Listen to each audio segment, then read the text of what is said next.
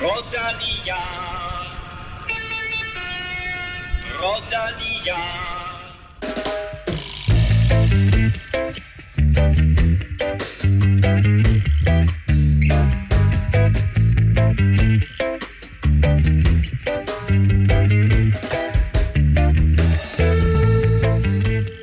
Super søndag var super for Team Ineos. Theo Gegenhardt vandt Giro d'Italia, og Richard Carapaz nappede den røde føretrøje i Vuelta a España.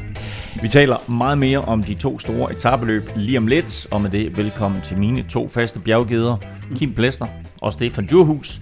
Kim, øh, ingen Froome, ingen Thomas, men Ineos, de fik alligevel deres Grand Tour sejr. Ja, de fik Grand Tour sejr, de fik uh, etappesejr, og uh, jeg synes jo faktisk, det klæder dem lidt, det her med at, at, at køre på den her lidt mere offensiv måde, og, og ikke, så, ikke så fastlås og, og til deres uh, cykelcomputer, som de plejer. Så det de er i hvert fald med til at, at skabe og gøre Giro d'Italia rigtig, rigtig fed. Uh, vi kan også håbe på, at der kommer noget fyrværkeri, Stefan, i uh, Vuelta a España, fordi Richard Carapaz nappede føretrøjen fra Primoz Roglic.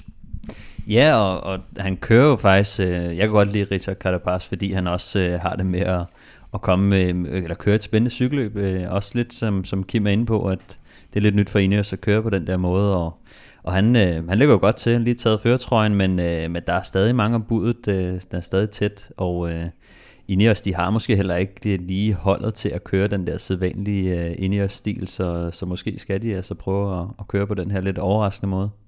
Og der er også mange ombud, når det kommer til at skulle vinde en sprit ny Velropa Cup. Fordi mm. øh, det, er, det går rigtig godt med at få nye støtter på, øh, på tier.dk. Tusind tak til alle jer, der øh, støtter og har støttet igennem lang tid. Og Stefan, velkommen til. Velkommen til øh, MQL, Peter Sejerkiel og Peter Nielsen. Kun tre? Kun tre, faktisk. Nej, Nå, nu må jeg op jer. Nu må jeg op jer. Altså, hvis man skal vinde en kop, hvis man skal nå at have en kop stående her, når cykelsæsonen slutter om, om 14 dages tid, så er det altså inde på tier.dk, det sker. Mit navn er Claus Elming. Du lytter til Velropa Podcast, præsenteret i samarbejde med Zetland og Otse fra Danske Spil.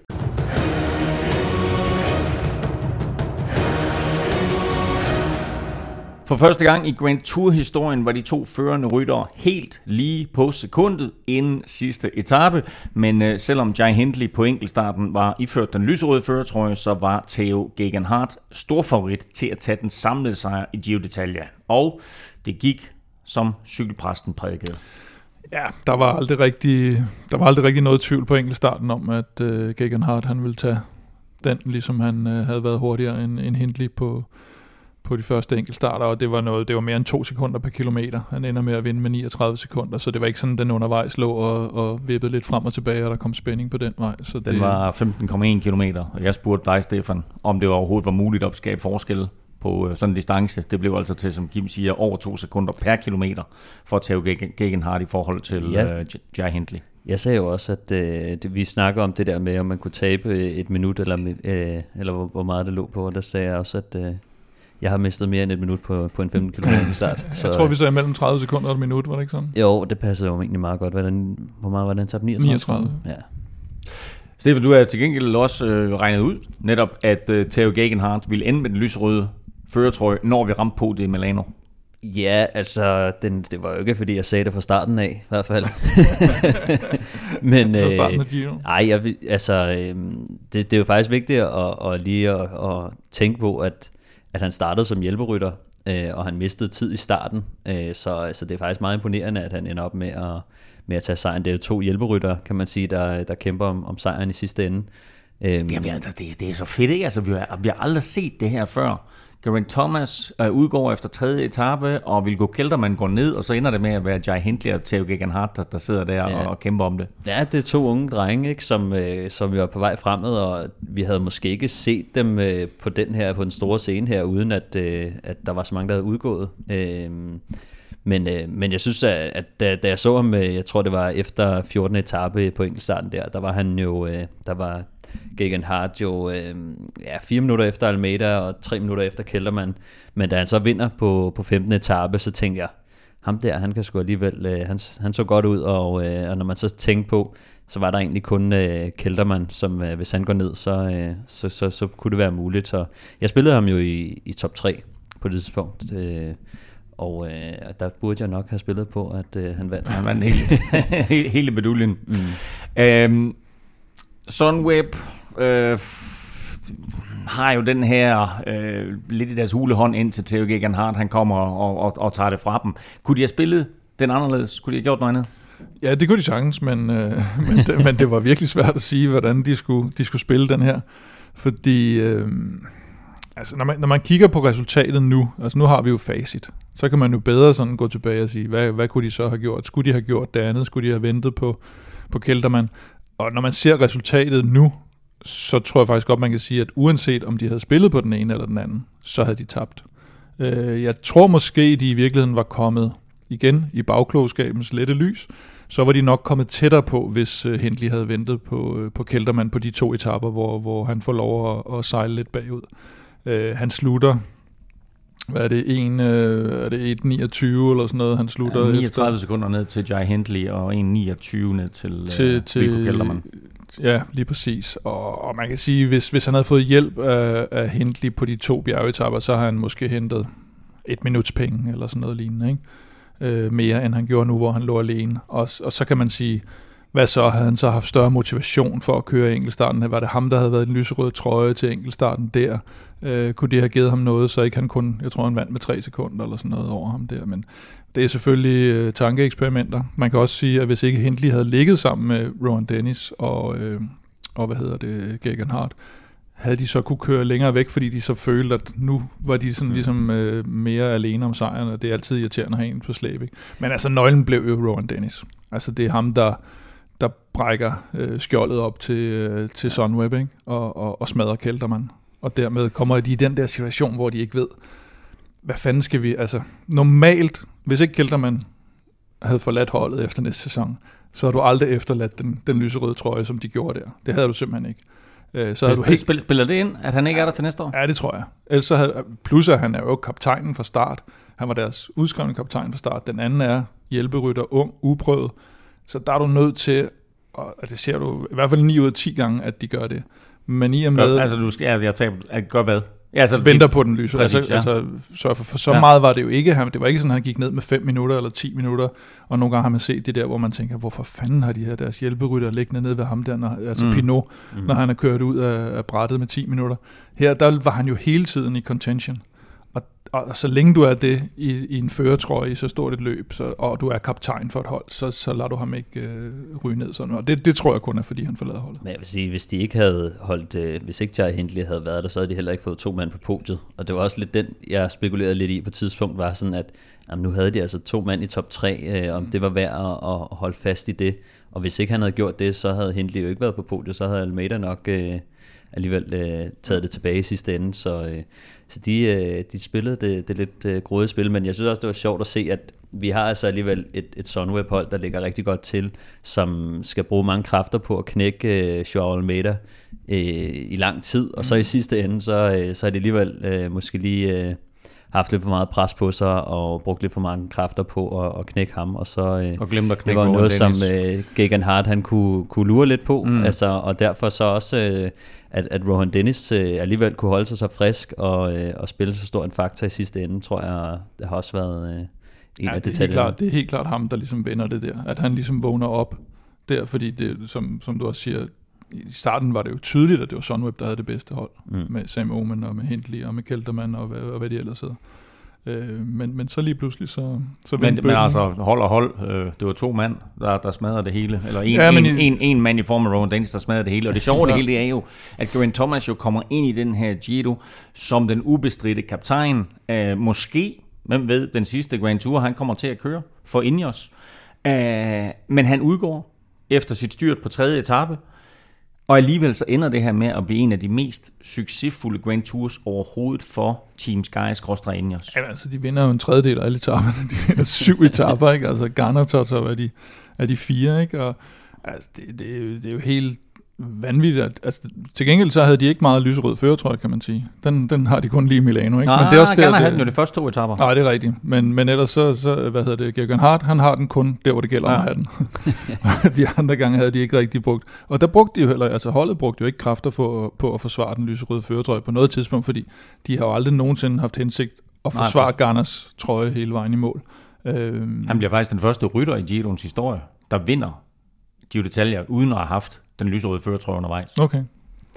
Og så, så det er ikke quizzen i dag? Det er ikke quizzen i dag. Jeg kunne også godt øh, stille en anden, et andet quizspørgsmål, nemlig øh, hvor mange britter, der nu har vundet den Grand Tour. Ja. Fordi det er jo altså også imponerende, ikke? At, øh, at Chris Froome, Grant Thomas, Bradley Wiggins og nu unge Theo Geoghegan Hart mm. Øh, vinder en, en Grand Tour som britisk rytter. Ja. Noget, som man jo for 20 år siden har grinet af. Jamen, det var det, der var hele det deres... Det man jo også. Det, ja. det, var deres, det, var det, det var det, de slog sig op på. Det var deres, hvad skal man kalde det, altså, manifest, det eller ikke? deres vision. Det var jo at sige, altså ikke nok med, at vi skal vinde Tour de France. Mm. Vi skal vinde Tour de France med en britisk rytter. Og der havde de så givet, jeg tror det var, var det seks år eller sådan noget, og så vandt de det jo meget tidligt. De vandt efter to år med Wiggins, ikke?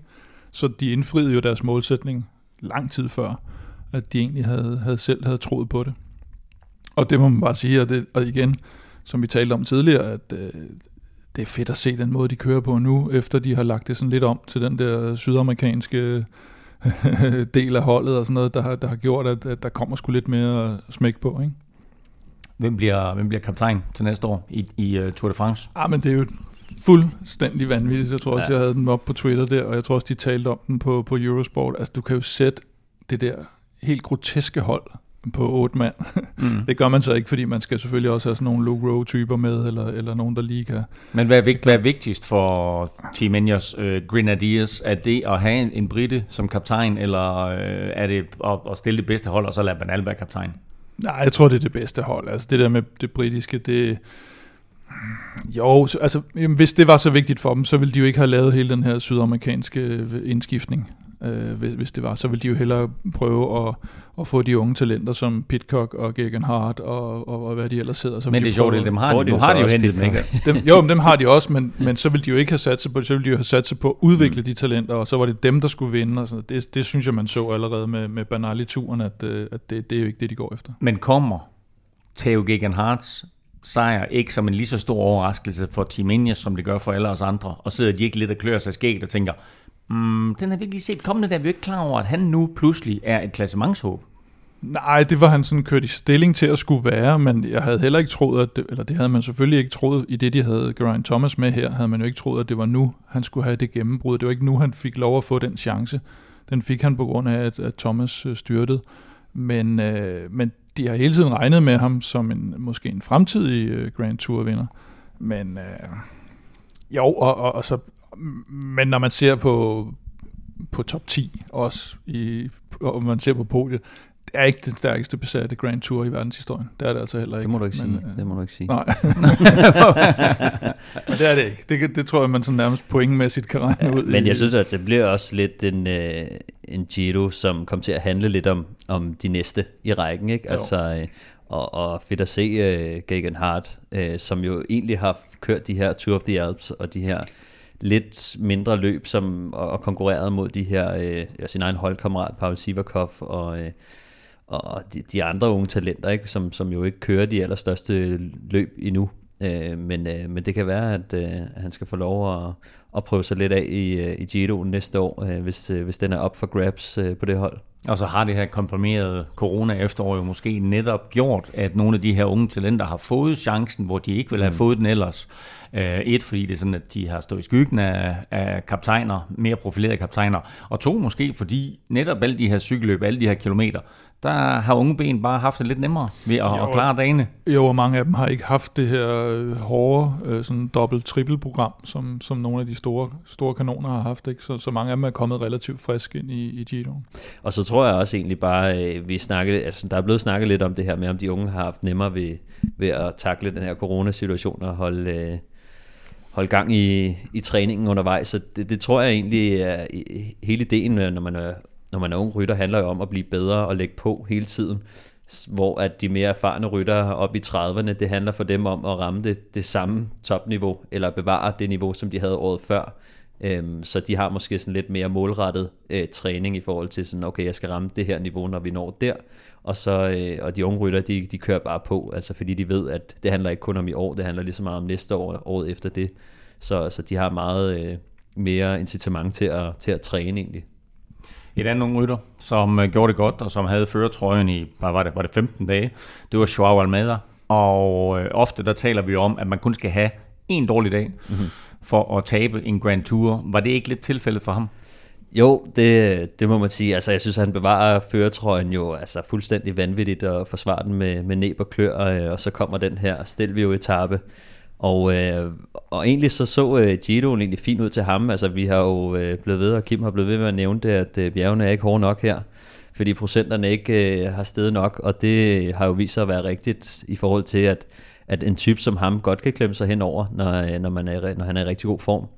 Stelvio blev bare lidt for hård til ham, og, og der smider han jo de her 5 minutter øh, til, øh, til i hvert fald Hindley og Gegenhardt, øh, som jo gør, at i hvert fald at han, han taber Giroen ultimativt. Ikke? Øh, ellers, øh, hvis han ikke havde tabt tid den dag, så, øh, så havde han jo vundet Giroen. Ikke? Så altså, han kommer jo egentlig rigtig tæt på, og, og er kun den her kan man sige, jeg vil ikke engang kalde det en off-day, fordi han kører alligevel ret godt, men, øh, men den etape øh, blev bare så hård, at øh, forskellen... Jamen, han, går ikke, altså, han går ikke ned, som man, igen, nu er jeg ked af at fremhæve uh, Thibaut Pinot igen, men, men ja, de der, der får den der altså virkelig nedtur, han, han kører jo egentlig op til det, han kan, så diskuterede vi lidt, om han måske lå lidt for meget alene, om han skulle have ventet lidt på en holdkammerat. Det er jo, det er jo små detaljer. Men han kørte jo op til sit potentiale. Mm. Etappen var simpelthen bare for hård for ham, til, til, som en rytter for ham. Og det, og det var som Stefan også siger, det var en af de eneste etapper, der var der var så hårdt. Så lå altså, det på de der 6 procent, ja. hvor han godt lige kan, kan nive den med. Ja, så kan man jo tænke over, om han kommer til at fikse det fremadrettet. Ikke? Mm. Altså, han er stadig nogle rytter, så... Øh... Men jo interessant netop for det König Quickstep, at de pludselig har klassementshåb. De har en, en Alaphilippe, som kan lidt af hvert, og som jo sidste år øh, sad, var det 12 dage i den gule fører, tror jeg, og så videre. Nu har de så pludselig Almeida her, ikke? Altså, er vi ude i, at de måske også sadler lidt om? Mm, Jamen, altså, det gør man jo, hvis man får de typer, der passer til. Mitchelton Scott var jo et notorisk etappehold og holdtidskørselhold, enkeltstarthold, indtil de fik brødrene Yates. Og så blev det lige pludselig et klassementshold, eller de fik brødrene Yates og, Sant- og Chavez. Og, og det er klart, hvis du får nogle store talenter, der er en anden ryttertype, så er du nødt til at indstille dig på, at, at så kører du selvfølgelig efter, efter det, de er. Men så kan man jo i sin indkøbspolitik, kan man jo gå efter at sige, mm. vi vil slet ikke have sådan nogen. Men der er jo også nogle talenter, der bare er så store, at man siger, okay, øh, hvis ikke der er nogen andre, der napper ham der, så tager vi, siger vi da ja tak. ja, jeg tror også, det handler også lidt om, hvilket hold det er, ikke? Altså, hvilken nationalitet de har. Hvis det er et spansk hold, så vil de gerne øh, køre etabeløb og, mm. og Vueltaen og, og, og turen, og, så, så det, det, det spiller selvfølgelig også lidt ind, øh, hvor Bel- det kører Quickstep ja. altid vil køre, øh, og der er prestige for dem og deres sponsorer i at køre de cykelløb, så så de, de har jo øh, leget lidt med det, ikke? Nu snakker vi sidste gang om uh, Enrik Mars, havde de jo uh, taget ind, og som, som lige pludselig også overraskede dem og kørt sindssygt godt, så bakker man lidt op der, men ikke rigtigt, altså de vil, de vil også gerne lige have en sprinter med og sådan nogle ting, mm. ikke? så jeg tror ikke, at de kommer til at, at bygge særlig meget om, men uh, de vil nok gerne bevare ham, uh, uh, så længe de kan egentlig. Uh, der skal nok være et uh, Movistar-hold, uh, der, der banker på døren, uh, når hans kontrakt den er ved at være oppe. Jakob Fuglsang, har stadigvæk et år tilbage på øh, sin kontrakt med øh, Astana. Han bliver nummer 6 samlet og gør det jo nærmest på egen hånd. Mister sine to vigtigste hjælpere meget, meget tidligt. Uh, han havde håbet på mere. Vi havde også. Men er det godkendt til betragtning af alt, hvad der skete? Ja, det synes jeg bestemt ikke, man kan sige. Altså når, når man kigger på, som Kim også var inde på, når man kigger på den top 5, der hedder Gegan Hart, Jai Hindley, Vilko Kelterman, Almeida og, og Pelo Bilbao, så, øh, så har det ikke været den mest, altså sådan en, en stærkt besat Giro i sidste ende. Altså, øh, da, da vi kigger på startlisten, så det okay ud. Øh, undervejs øh, er, der, er der meget, der, der falder fra, og, og Fuglsang, han, øh, han kommer jo igennem, men han kører bare ikke op til sit øh, vanlige høje niveau her, øh, og, øh, og, og hvis man, nu kan man sige, han har jo så droppet øh, sine øh, ambitioner om at køre Tour de France klassement, med rette, og, og, og så øh, forsøger han sig i, i en Giro d'Italia, som måske ligger lidt bedre til ham. Øh, og, og, og når det så heller ikke går og, og øh, i det her felt, så, så skal han virkelig overveje, om, om det virkelig er det. Jeg tror, at jeg kunne ikke forestille mig, at han øh, kunne gejle sig selv op til at, til at give den et skud igen næste år. Nej, heller ikke i den alder, og han, har også selv, han sagde jo selv undervejs også det, jeg troede, jeg var, jeg, jeg troede, jeg var bedre, dengang de, de unge begyndte at køre fra ham der, både køre fra ham og Nibali. Så han havde, selv tro, han havde også selv både forventet og troet, at hans niveau var som minimum på højde med de rytter, som, mm. som Stefan nævner her, som, som ender i top 5. Og så det der med, som, som, som mange har tænkt, og som han også selv selvfølgelig har gået og tænkt over, sikkert de, de seneste mange år, og sagt, Jamen altså, jeg er åbenbart bedre til, til endagsløb og ulange etabeløb. Det, det, det viser hans resultatliste også. Og så synes jeg også, altså nu, nu kommer der bare de her unge øh, kometer, altså alle steder fra, ikke? Og, øh, og det bliver svært og det bliver svært og sværere år for år at hamle op med øh, de nye stærke rytter. Nu har øh, Almeida, en 22-årig øh, portugiser, der lige pludselig kører pisse stærkt her, ikke? Og, øh, og så, så sad jeg også og tænkte sådan, sidste år, da Fuglsanger kørte Vueltaen, der vandt han en etape, øh, og den vinder han faktisk fra et udbrud, hvor at øh, Gegan Hart, han bliver toer. Mm. Øh, og, og jeg tror, han kommer ind måske 16 sekunder eller sådan noget lignende foran øh, Gegan Hart, hvor han kører afsted på den sidste stigning. Og så kan man sige, okay, altså han var, lidt, han var bedre end Gegan Hart sidste år. Øh, altså det er, jo, det er jo så et år siden, ikke? Men, øh, men, men der er han så ikke helt længere. Der mangler måske... Øh, jeg ved ikke, om det har jo, været... men et er også at gøre det på en etape, noget andet er at gøre det over tre ja, uger, og, ikke? og det har så altid været hans problem, kan man sige. Ikke? Altså, når- han, øh, når han har prøvet mange gange, og, og det bedste, øh, det er blevet til en 6. plads, som selvfølgelig også er flot. Øh, men, men en 7. pladsen i, i turen vil stadig stå meget, meget højere, øh, synes jeg i hvert fald, end, end det han præsterer her. Det var hans øh, anden top 10 placering i en Grand Tour, og 6. pladsen her, altså øh, netop som du siger, Stefan, hans bedste placering nogensinde i Grand Tour sammenhæng. Vi taler meget mere Giro lige om lidt, men først. Der skal vi quizze, og øh, jeg har faktisk i dag legnet en quiz op til jer, som jeg blev inspireret til af en øh, lytter, der skrev til os på Twitter. Så I, øh, så I beskeden omkring vinder i Vuelta og vinder i Grand Tour sammenhæng i det hele taget? Nej, jeg tror ikke. Øh, Ja, det ved jeg Kim. Altså, det, nu Ja. sidder han og Nå. spiller derovre, ikke? øhm, for den øhm, øh, for den erfarne lytter, for den rutinerede lytter, hvad hedder sådan noget, dem der lytter ofte, ved at det er sådan, at vi har sådan en lille, jeg skriver sådan en lille kodeord ind til mig selv i manus, Mm. og dagens kodeord, Stefan, det er, Depeche Mode. ja, og hvad, hvad, hvad kunne det være? Hvad, hvad, hvad, hvad kunne kodeordet være der? Black Celebration. Er, er godt, hvis du holder fast i det der med Depeche Mode album, så lavede de et live album, der på et tidspunkt hed, 1986 til... ja, det, nej, det var så, det var så Nå. singles, nej, de lavede, de lavede et live album, der hed 101. Nej, og, det er hvad- rigtigt. og hvad, hvad er det, hvorfor er det relevant? 101. Fordi der er nogen, der har haft nummer 101, når de har vundet et eller andet. Ja, I, I, I, I. I helt væk. Kort og lang er, at øh, Jonis Agita vandt 6. etape i Vueltaen, og dermed så bliver han rytter nummer 101, Nå, Der har det så vundet. jeg godt, ja. der har vundet. Hvem en er et- de andre 100? Jamen, det er faktisk det, vi skal quizze om, fordi vi laver quizzen på den måde, som vi gjorde det på gangen før. Åh, oh, gud. At I remser en rytter op ad gangen hver, og den, der misser først. Har vi ikke lavet det? Ikke med de her. Er det rigtigt? Øhm, så der er, øh, der er 101 rytter, der har vundet. Jonas Agita tæller ikke med. Øh, jeg vil også sige, at der er nogle rytter, som efterfølgende er blevet nappet for doping, øh, såsom øh, Jan Ulrik med flere. Øh, de tæller heller ikke med. De tæller ikke med, dem der er blevet taget for doping. Nej, præcis. De tæller ikke med? Altså dem, dem der har fået fjernet deres etappesejr, naturligvis, via doping, Det er jo de en tæller ikke helt med. anden øh, diskussion jo. Det kan man jo ikke. Nej, nej, men jeg siger bare, at der er, der er 100 rytter ud over Jonas Agita, som officielt har vundet en etape i alle tre Grand Tours. Godt så. Og de rytter tager I en efter en, og den, der først misser, taber pointet. Vildt. Jeg har faktisk en Så anden kan I quiz. 50 hver, Jeg har faktisk en anden quiz, så. så, øh, Som så jeg håbede, du, som, Ja, hvad er det en anden som jeg håbede, du ville øh, stille Ja. spørgsmål med. Hvem, øh, hvem var det, der havde rekorden? Øh, for, eller hvor mange danskere har været på podiet i Giro d'Italia? Eller i øh, top 10 i Giro d'Italia? Åh, oh, ved du, jeg, jamen, jeg overvejer nemlig at lave den quiz. Det skulle du have Hvem- gjort. Hvem er den eneste anden dansker, der har været på podiet, ikke på podiet, men i top 10 i Giro d'Italia? Ole Ritter. Det er nemlig Sådan. rigtigt. Nummer 7 Nummer 7 i 73, sagt til Ja. ja. og 79. Nå, er det to gange faktisk? Nå, wow. Nå, men det var da godt, jeg ikke stillede den quiz, for den var jeg meget, meget tæt på. Ja, det vil jeg Nå, men gerne. spørgsmålet er forstået. Ja. Så har jeg kun én ting til jer to, og alle jer, der lytter med. Lad nu være med at google. Giro-weekenden indledtes fredag med rytteroprør. Etappen skulle have været på 258 km, sådan forholdsvis flad fra Montbegino, eller Montbegno til Asti, men da starten gik, der var der faktisk ingen rytter på startstregen. Hvad skete der helt præcis der?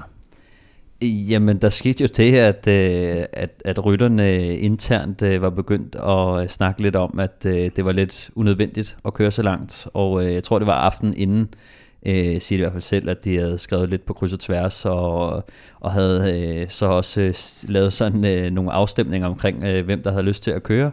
og, øh, og havde snakket om, øh, om, om de skulle korte det ned til halv distance.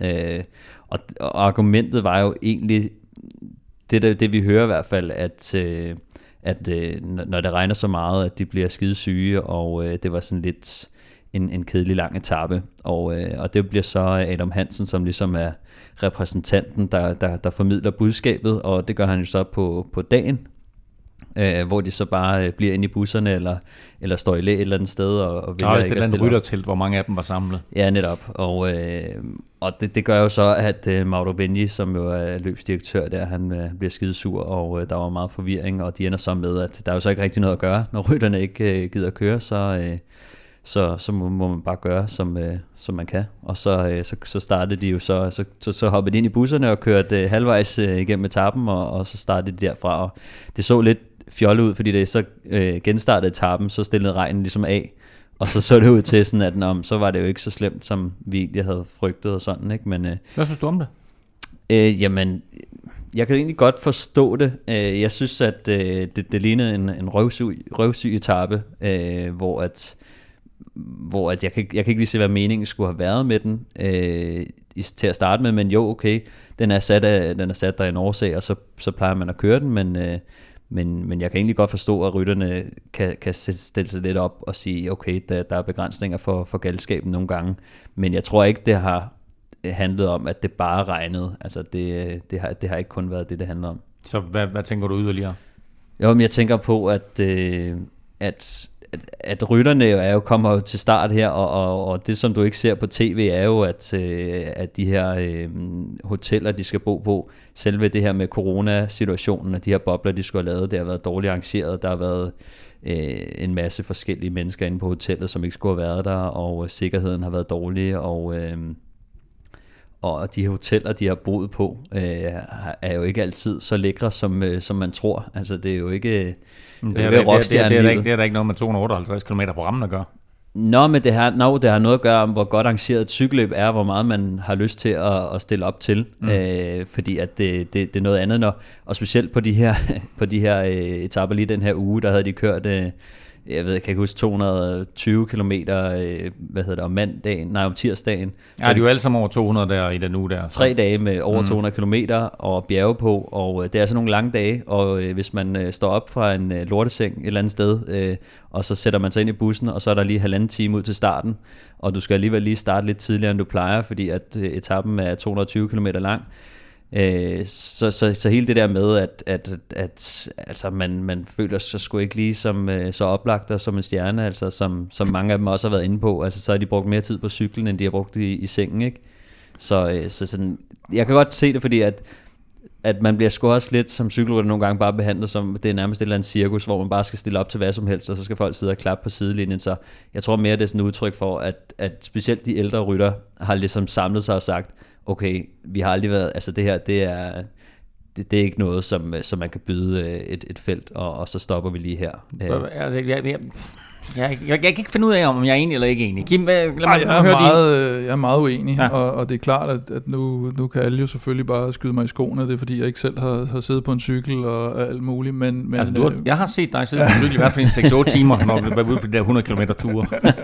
Præcis. Nej, men der, der er flere forskellige ting i det. Altså helt, øh, helt grundlæggende, så, øh, så, så, så synes jeg, det er dybt mærkeligt. Jeg tror, dybest set så tror jeg egentlig, at det, har, det faktisk har noget at gøre med det her med, at den her rytterorganisation og rytterne har været for dårlige til at sige fra i nogle andre sammenhænge, og så på en eller anden måde, så, det, så bliver det sådan forfejlet øh, måde at gøre det her, hvor det så måske i virkeligheden ikke skulle have været gjort.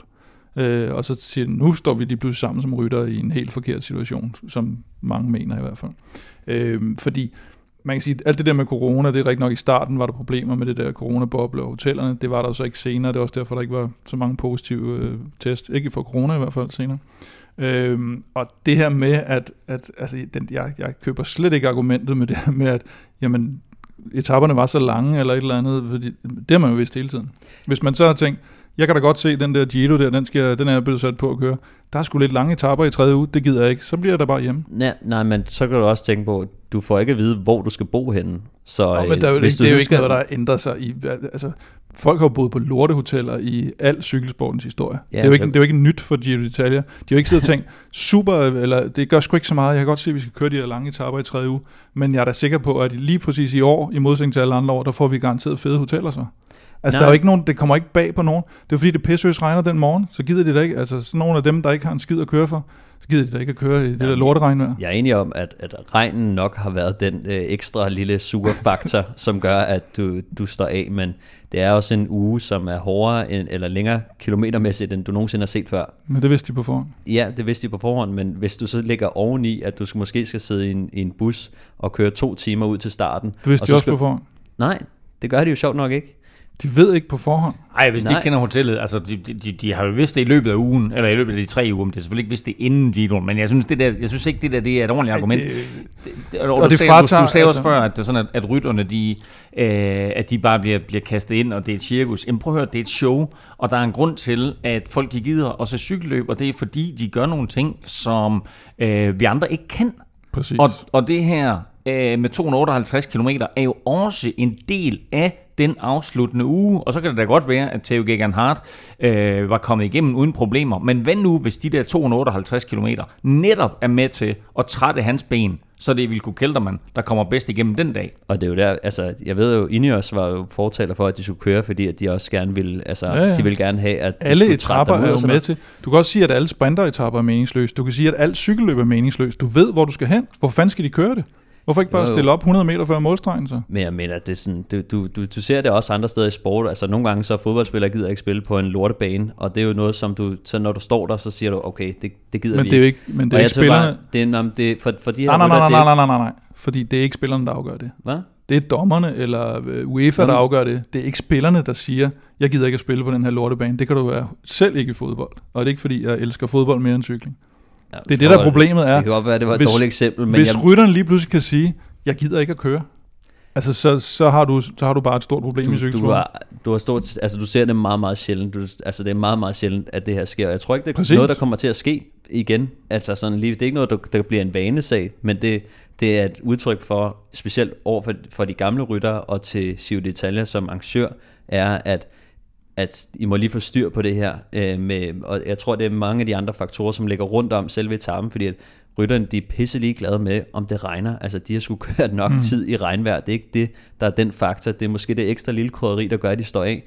Men der, der, det er helt klart ikke det, det handler om i bund og grund. Og det synes jeg er sådan lidt forfejlet, at man kan sige sådan der, skal de ikke bare, det er nogle tøsdrenge, skal de ikke bare køre sådan noget?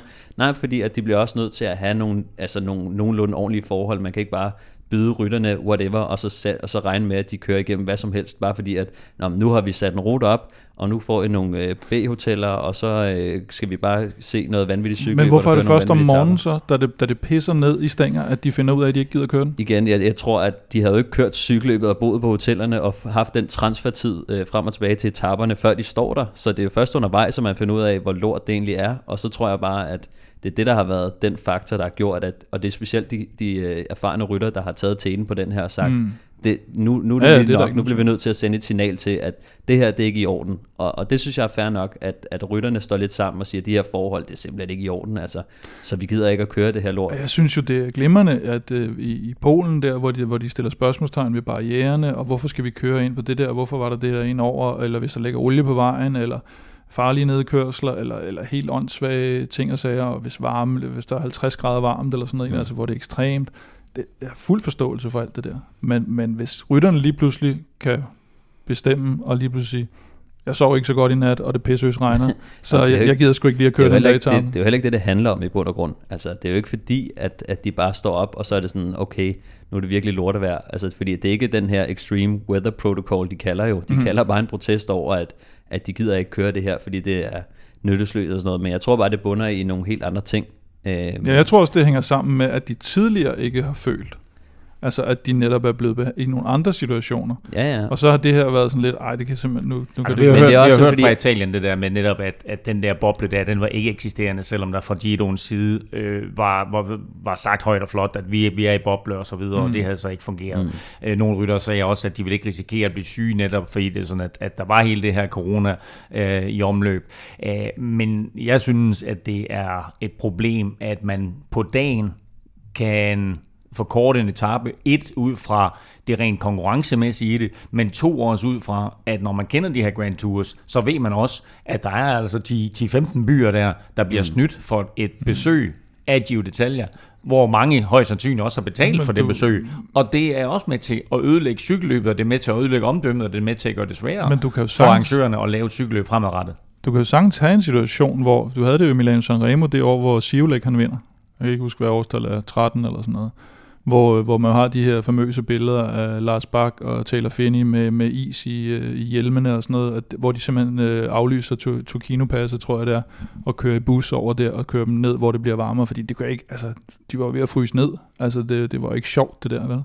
Øh, og, og det er jo helt fair, at arrangørerne så går ind og siger, at det, det er vi selvfølgelig nødt til at stoppe det her, vi kan ikke køre i de her betingelser.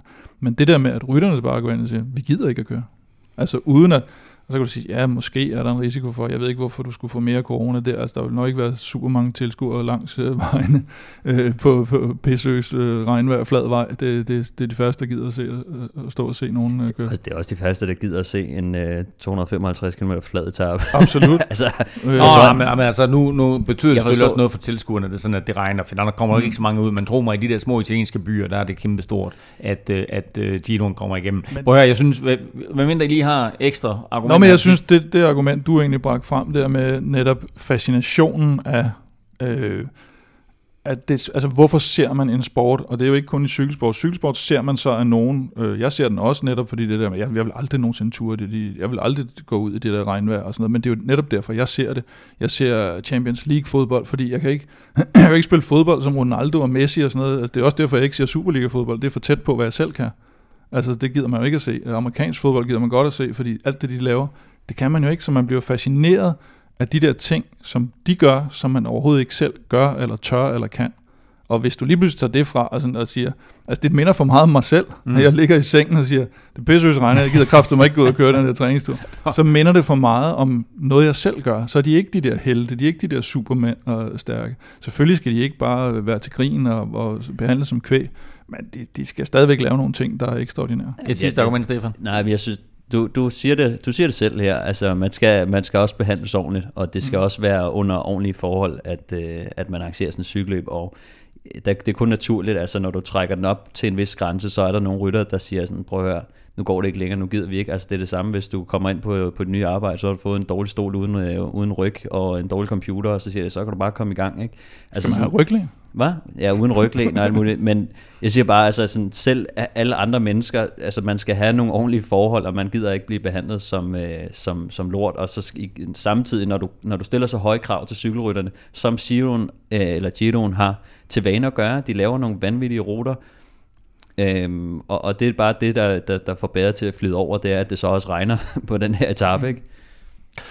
Og dermed så blev etappen forkortet til øh, cirka det halve af de oprindelige 258 km, og øh, så lå den jo lige til øh, en spurt og til højre ben af Fano Demar, men i stedet så blev etappen faktisk vundet fra udbrud, og der var det tjekken Josef Tjerni, der var hurtigst. Han kom alene over stregen som vinder af 19. etape. Og så lørdag, Jamen, øh, der skulle vi ud på 198 km bjergetappe. Øh, bjerget Agnello var pillet ud, og i stedet for så skulle rytterne så tre gange over Sestriere. Og man skulle næsten tro, at det her det var en genudsendelse, fordi dagen udviklede som fuldstændig man til 18. etape, hvor rytterne var oppe over Stelvio. Ja, det var i hvert fald, øh, altså man kan jo ikke sige, at Stelvio og Sestriere lige frem kan sammenlignes, men, men det var samme scenarie, man så, at det var, det var de tre, der kunne, øh, der kunne køre fra Keltermann i, i første omgang. Og, øh, og det havde, det havde jeg, jeg havde nok troet, at Kelterman han, øh, han kunne følge, følge bedre med der. Det er Rohan Dennis, der, der gør det igen, ja. tager en monsterføring, øh, og det hele ender så med, at, at de tre der, øh, Rohan Dennis, Tage Ganhart og, og Jai Hindley, de kommer sammen til mm. mål. Jai Hindley vinder en spurt undervejs for yeah. to sekunder, men Tayo Gegenhardt vinder på målstregen for ja, 4 sekunder, og dermed så er det, at de står helt lige. Ja, og det er fordi Hindley undervejs har forsøgt at sætte ham, for det er han nødt til at gøre i det Kelterman bliver sat, og de kan se, at han bliver sat med sådan relativt meget, han begynder at miste det. Så begynder han at angribe, og det er også rigtigt, han skulle, både fordi han skulle angribe og se, om han kunne få nogle sekunder til, til uh, Gagan Hart, men også fordi han skulle ligesom have Rohan Dennis væk, så ikke han kunne ligge og, og køre det her tempo for, for uh, Gagan Hart. Det bliver ligesom vendt rundt situationen. Mm. Det, der undrer mig lidt, det er, når han har prøvet et par gange og de får sat Dennis, han har prøvet på gang, han kan se, han kan ikke ryste ham af, at så bliver han ved med at ligge og føre. Mm. Han bliver ved med, at da Rowan Dennis kommer op, så lader Gagan Hart øh, Rowan Dennis køre. Så går Hindley efter og trækker Gagan Hart op til ham. Altså hvorfor mm. lader han ikke bare Rowan Dennis køre der? Så, så, så, så ligger han jo isoleret der. Mm. Og det gør jo, at Kelterman kommer endnu længere bagved. Altså der tænker jeg, at han bare skulle have stoppet op, fordi Rowan Dennis var stegt der.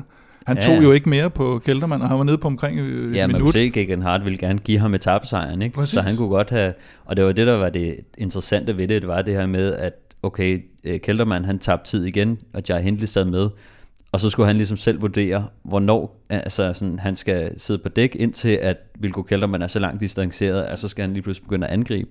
Men det er helt ret, altså, at, at det moment der, hvor at, uh, Rowan Dennis han ligesom prøver at liste afsted, eller Gegan Hart lader ham gøre det, der burde han ikke have kørt efter, altså fordi at... Nej, så skal han jo bare sige, okay, så lad os se, om vi kan få Kelterman op igen, for jeg kan ikke vriste, jeg kan ikke vriste ham fra, ja, og hvis ikke det, jeg kan gøre det, så tager jeg jo enkeltstarten. Ja, det har lige givet ham 30 sekunder, eller hvad ja, det var, det som, altså, som, det ved vi så nu, at måske det ikke havde gjort det, men, men alligevel. Det var altså en etape, som, øh, som øh, endte som sagt med en øh, sejr til øh, Team Ineos. Terry Gegan Hart tager den her, og efter etappen, der var han jo så 39 sekunder øh, foran Jay Hindley, øh, og, eller han, undskyld, han ender med at vinde øh, Giro 39 sekunder foran Jay Hindley, og med 1.29 til, øh, til Wilco Kelderman. Vi talte lidt om det øh, til at starte med. Øh, hvor, meget, hvor meget kunne Wilco Kelderman have sparet, eller vundet, kan man sige, hvis han havde haft Jai Hindley til sin rådighed. Han tager, han tager nok det meste faktisk på nogle dalstykker. Han tager meget dengang, øh, er det Julian Bernard fra Trek, der får lov at sidde og trække på et mm. helt øh, dalstykke, hvor Rowan Dennis han virkelig ligger. Der ligger han et halvt minut, tror jeg, eller sådan noget til dem. Ikke? Øh, hvis de havde haft nogle stykker, der kunne ligge og køre rundt lidt der, Kælder man kunne måske selv have gået med. Og så tror jeg også bare, det, altså, det giver jo sindssygt meget mentalt. Hvis, altså, der er en sindssygt mental forskel på, at din holdkammerat bare kører fra dig, eller holdet holder sammen mm. om dig.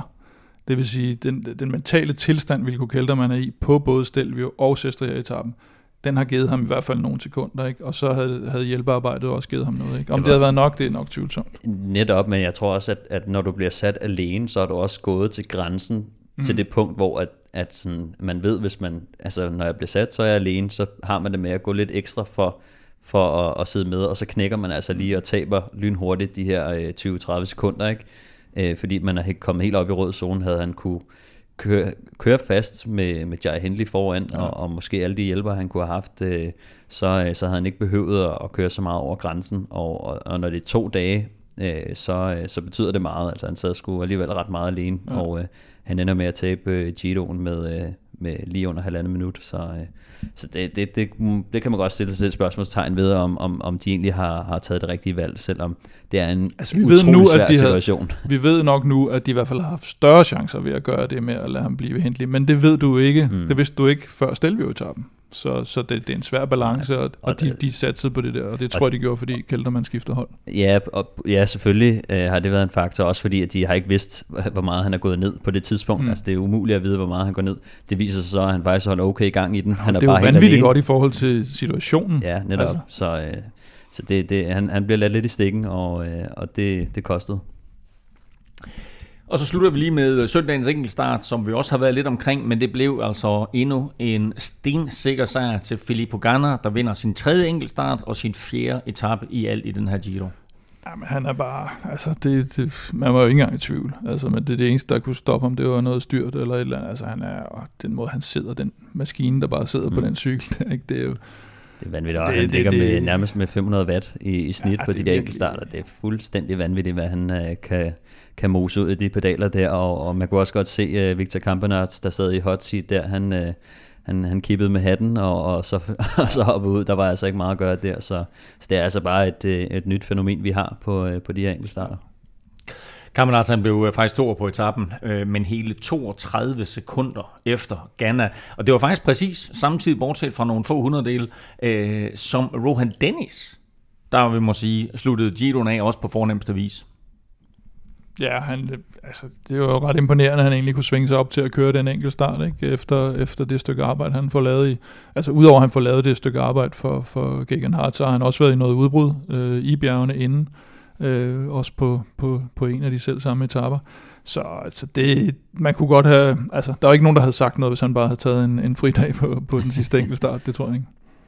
Så havde vi håbet lidt på, at Mikkel Bjerg kunne slutte Giroen med en flot placering, men faktisk så kom Mikkel Honoré ind foran sin landsmand. Ja, jeg tror, det, det var bare et tegn på, at øh, Mikkel var, var lidt, lidt, lidt mos her til sidst. Øh, det har været en, øh, en lang Giro for, for ham også, og, og vi har bare set, at Mikkel Honoré, han har, han har haft rigtig gode ben, og, og altså sådan, øh, måske lidt mere vant til, til det her øh, niveau, øh, endnu i hvert fald. Jeg tror, Mikkel kommer helt sikkert efter det, og, og, men altså, det er hans... øh, hans debut her, så, øh, så han skal lige øh, lære det at kende, og, og han bliver helt sikkert meget stærkere af at køre øh, Giro, fordi han er, han er et stort, stort fysisk talent, så, øh, så det, det skal han nok komme godt efter. Vi har talt lidt om øh, Jakob Fuglsang også, øh, og nu Mikkel Bjerg. Hvad siger vi til øh, de tre andre? Altså Mikkel Honoré kører jo et, en, en flot Giro. Vi har også Jesper Hansen og Jonas Gregor med. Ja, jeg synes Mikkel Honoré er specielt der med, med, med der, hvor han, han nærmest lige er ved at tage røven på, på Diego Lisi i starten. Han, han kørte godt for, for Almeida og han slutter som nummer 30 i, i Giroen. Det, det, det er virkelig, og han nåede at få friet til, til kæresten også undervejs, ikke? så det har virkelig været udbytterigt, øh, en udbytterig Giro for ham. Og meget overskudsagtigt. øh, Gregor, øh, din tidligere holdkammerat, det er ikke rigtigt, Stefan? Jo, altså, ja, altså han, han, han hjalp jo lidt, og, og man kan sige, at han har jo ikke været så synlig i finalerne i hvert fald, men, øh, men jeg ved i hvert fald, at øh, som jeg har skrevet med ham, har han i hvert fald været glad for, øh, for det, han har leveret til, til Jakob. Det har bare ikke været noget, man har, har kunne se så meget øh, på, på tv. Øh, det har mere været i den første halvdel af etappen, og sådan noget mere, mere hente vand og, og, og være der omkring Jakob og tage nogle føringer. Øh, Men vildt efterår han har haft, ikke? Fordi han kommer ind på afbud med i den danske VM-trup, og så ja. direkte ned og kører Giro detaljer. Så det er, det er noget af en udvikling, han har været igennem. Ja, så skal man bare lige huske den måde, han ligesom kommer ind på det, der han bliver revet ud af, af Flash Ballon, ikke? oh, det er rigtigt, ja. Og, og, og, bliver kastet ind i, i Giro. Og jeg ved bare, at altså, sådan, skrækscenariet er jo egentlig, at det er sådan noget af det, som, som jeg i hvert fald kan være lidt nervøs for, når jeg ser uh, nogle, nogle kammerater, uh, der, der kommer ind på, uh, på World Touren. Det er det her med, at hvis de ikke har et fast løbsprogram, øh, så, så er det utroligt svært at præstere, fordi du når aldrig rigtig at forberede dig ordentligt til det, du kører.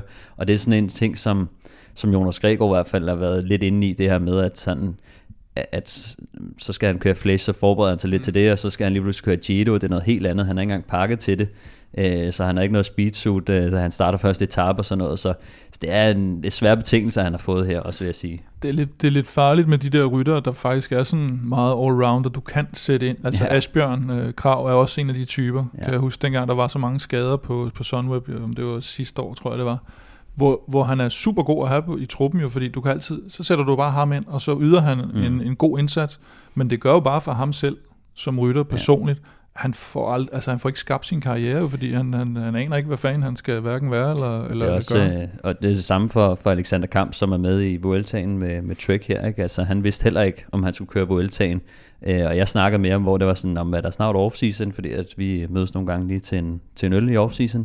Og øh, han sagde, at han måtte lige holde skruen i vandet, fordi at han vidste ikke, om han skulle køre på Vueltaen, så han blev lige nødt til at, at holde Nej, han havde fået sådan, den, han, han, det var jo meningen fra starten, men så fik han alle de der skader, og så var det lige pludselig Ja, og det er så det for ham luften, har det været, at, at, at når man får de her skader, så bliver du altså sat på bænken, og så, er det, mm. så ryger alle planerne altså ud af vinduet, og så, øh, så ved man ikke lige, øh, hvornår man kommer tilbage igen. Den sidste dansker, der med her, det var Jesper Hansen, ham talte vi lidt om sidst. Uh, altså hans karriere ja. som professionel cykelrytter kan være slut. Ja, eller i hvert fald, at, at den, den skal lige et skridt tilbage, ikke? og måske, som vi også talte om, lidt, den mindede lidt om situationen med Chris Anker, da han, da han sluttede sit uh, udenlandsprofessionelle eventyr og, og kom tilbage på et dansk hold. Og det kunne man også godt forestille sig var, var, var stationen, næste station for Jesper et, Hansen. Der skal nok være et, øh, et, et pro-team, altså et, det vi kalder pro-kontinental hold, der, der muligvis kunne være interesseret i ham. Uh, for eksempel sådan noget som, som Uno X-holdet eller mm. Rival, hvis de fortsætter til næste år, øh, kunne være et sted, hvor at, øh, Men det var Kofidis vel egentlig også, da han signede med dem, var, var, var de jo, så, de så blevet opgraderet? Jo, det er rigtigt, de var også pro, men de, de var jo sikret deltagelse i Tour de France, og, hvis, og jeg kan da huske den der famøse, det der famøse interview, var det ikke TV2, der havde med med teammanageren for Kofidis, at, ja. Jesper Hansen var den nye Tour de France-stjerne. der skal man nok selvfølgelig, som vi også har været inde på 100 gange, øh, lægge det i det, at øh, når du så mm. taler med en journalist fra Danmark, så er det klart, at så, så skruer du den lidt op for, for din Jeg synes også, det, det er ærgerligt for sådan en som, som Jesper, fordi han er stadig en god cykelrytter, og øh, han kan godt vinde cykelløb, og man kan godt leve af at være cykelrytter på et øh, lavere niveau, end at vinde øh, Giro d'Italia sejre. Øh, så, øh, så der er helt sikkert øh, et arbejde og, og en god øh, karriere med nogle sejre i for ham, hvis han bare... Øh,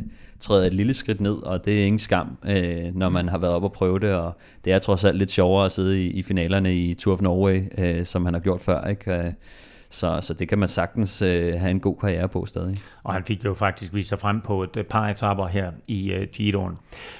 Gio Detaljer vinder 2020 bliver Ineos Grenadiers Theo Gegenhardt. Nummer to bliver Jai Hindley fra Team Sunweb, og det er med øh, holdkammeraten Vilko Kelderman på tredjepladsen. Joao Almeida han fik faktisk kørt sig op og blev nummer 4, mens Pili Bilbao øh, faldt ned øh, til femtepladsen på baggrund af enkeltstarten, men altså stadigvæk øh, fik sig en top 5 placering. Fuglsang blev 6, og han var 7 minutter efter den samlede vinder, og Vincenzo Nibali endte faktisk yderligere et minut tilbage som nummer 7, og så helt ned på 11. pladsen finder vi Domenico Pozzovivo, der ellers var sådan op og kysse øh, podiumpladserne på et tidspunkt, men han falder altså helt uden for top 10, mens øh, Mikkel Honoré, som du sagde, Kim, kørte en rigtig flot Giro og slutter som nummer 30. Pointtrøjen gik til Arno Demar fra Frances Descheux, mens bjergtrøjen sluttede på Ruben Guerrero fra EF. Theo Gegenhardt var også bedste unge rytter, mens Ineos nappede holdkonkurrencen. Zetland har i modsætning til rytterne i Giro d'Italia valgt at fuldføre cykelsæsonen. og det er vi selvfølgelig super glade for, fordi de er nemlig partner uh, her på Velropa Podcast uh, hele vejen igennem. Har du ikke prøvet Zetland, så synes jeg, du skal prøve det nu. Det er nemlig nyheder lige ind i dine hørebøffer, præcis som den podcast, du lytter til nu. Så op ind på zland.dk-velropa, så kan du faktisk prøve Zetland i to måneder for kun 50 kroner, og det er altså en rigtig, rigtig god deal. Og hvis man ikke har prøvet Zetland, Kim, så er det faktisk det helt perfekte tidspunkt lige nu. Det må man sige, og det har vi også været lidt inde på her på det sidste, at, øh, ja, hvad er der? Der er lige over en uge til det, til det amerikanske præsidentvalg, ikke? og der, der er det jo meget rart at have nogen, der måske dykker lidt ned og, og ser, er det nu rigtigt, at, øh, at der ikke kommer en øh, coronavaccine, hvis ikke man stemmer på Donald Trump, og så videre. Ikke? Øh, og så synes jeg da heller ikke herhjemme, der har, det har skortet på, på sager, man måske godt kunne tænke sig at få perspektiveret lidt, og om det så er noget med, med et lov eller, eller fuldbyrdet voldtægt på et, øh, okay. på et øh, badeværelse. Okay, okay. Nå, så ikke uh, dokumentar om... Uh, Åh, oh, så er det godt. Put, put, Men uh, der er de altså gode, Zetland ja. lige til at dykke ned og give dig et, uh, et rigtig, rigtig fint uh, overblik, uh, uden at der tages stilling, men at man uh, kan danne sig sin egen mening ud fra de facts, der kommer på bordet. Om det så er uh, MeToo, eller det er corona, eller det amerikanske præsidentvalg, så er det altså en rigtig, rigtig godt tidspunkt lige at prøve uh, Zetland. Prøv Zetland, fordi øh, så støtter du faktisk også Velropa samtidig. Gå ind på Zetland med z.dk, Velropa og prøv det hele nu for bare en halv triller. Og det er altså øh, mindre end øh, den øl, du øh, måske skal have til aftensmaden i aften, hvis du øh, er så heldig at komme ud på en eller anden restaurant, der tilfældigvis har åbnet i de her tider. Skal drikke med mundbind i hvert fald. Det bliver endnu sværere. Var længere på den måde. Giroen er slut, men Vueltaen er i fuld gang. Eller det vil sige faktisk, så er der hviledag her mandag, men øh, der er kørt tre etapper siden vi var her sidst. Fredag var årets øh, første flade etape, da rytterne de skulle ud på øh, 200 øh, km fra Garay til Ejea de los Caballeros. Okay. Ejea de los, Sikker? Ejea de los Caballeros. øh, og så viste Sam Bennett og Michael Mørkøv for den sags skyld, at øh, det kunne Quickstep stadig, og han især er i topform.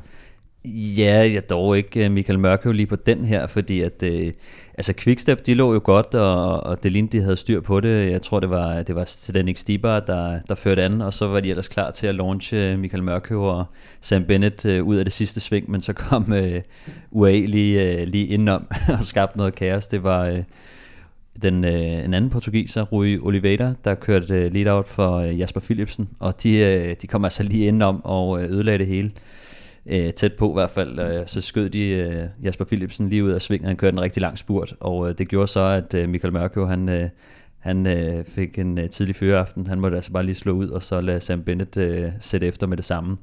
Så, øh, så det var lige før, at Jasper Philipsen lavede kuppet, men, øh, Sam Bennett han, han nåede akkurat lige at, at få fat og køre forbi på de sidste meter. Der var lige sådan en 92 graders sving, som øh, smadrede de fleste af de der tog, der var bygget op. Men mm. øh, imponerende at se, hvordan Sam Bennett, på trods af at Jasper Philipsen altså har i hvert fald en cykellængde eller to, at han lige når at nappe ham på, på stregen, viser, at han er øh, øh den hurtigste i det her felt.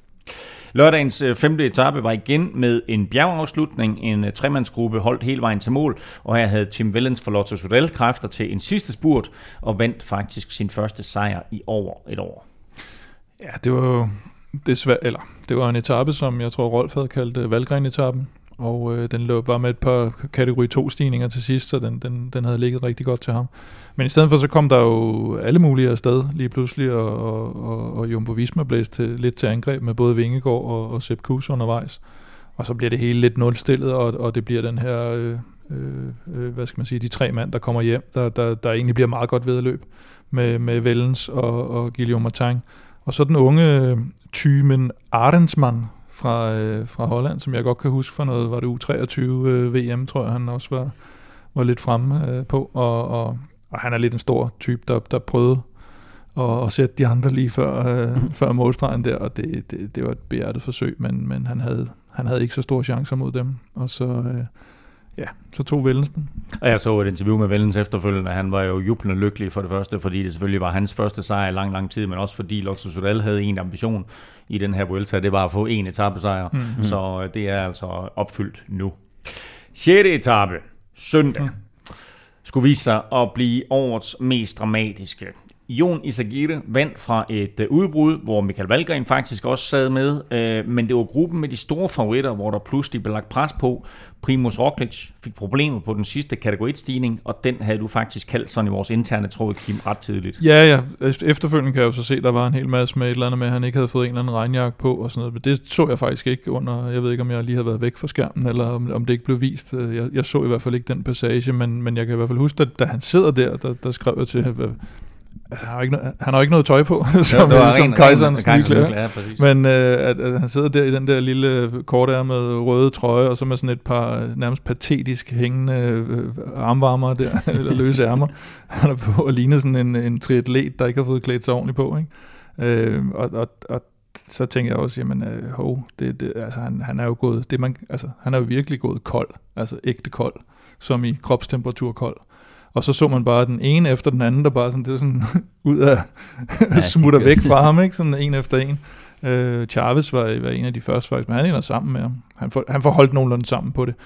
Men øh, det der med, at han, øh, hans hold var også ligesom eksploderet. Mm. Jeg ved ikke, om de alle sammen havde brugt alle kræfterne på at, at få den regnjakke på ham, men øh, det, det synes jeg var det mest foruroligende sådan på sigt egentlig.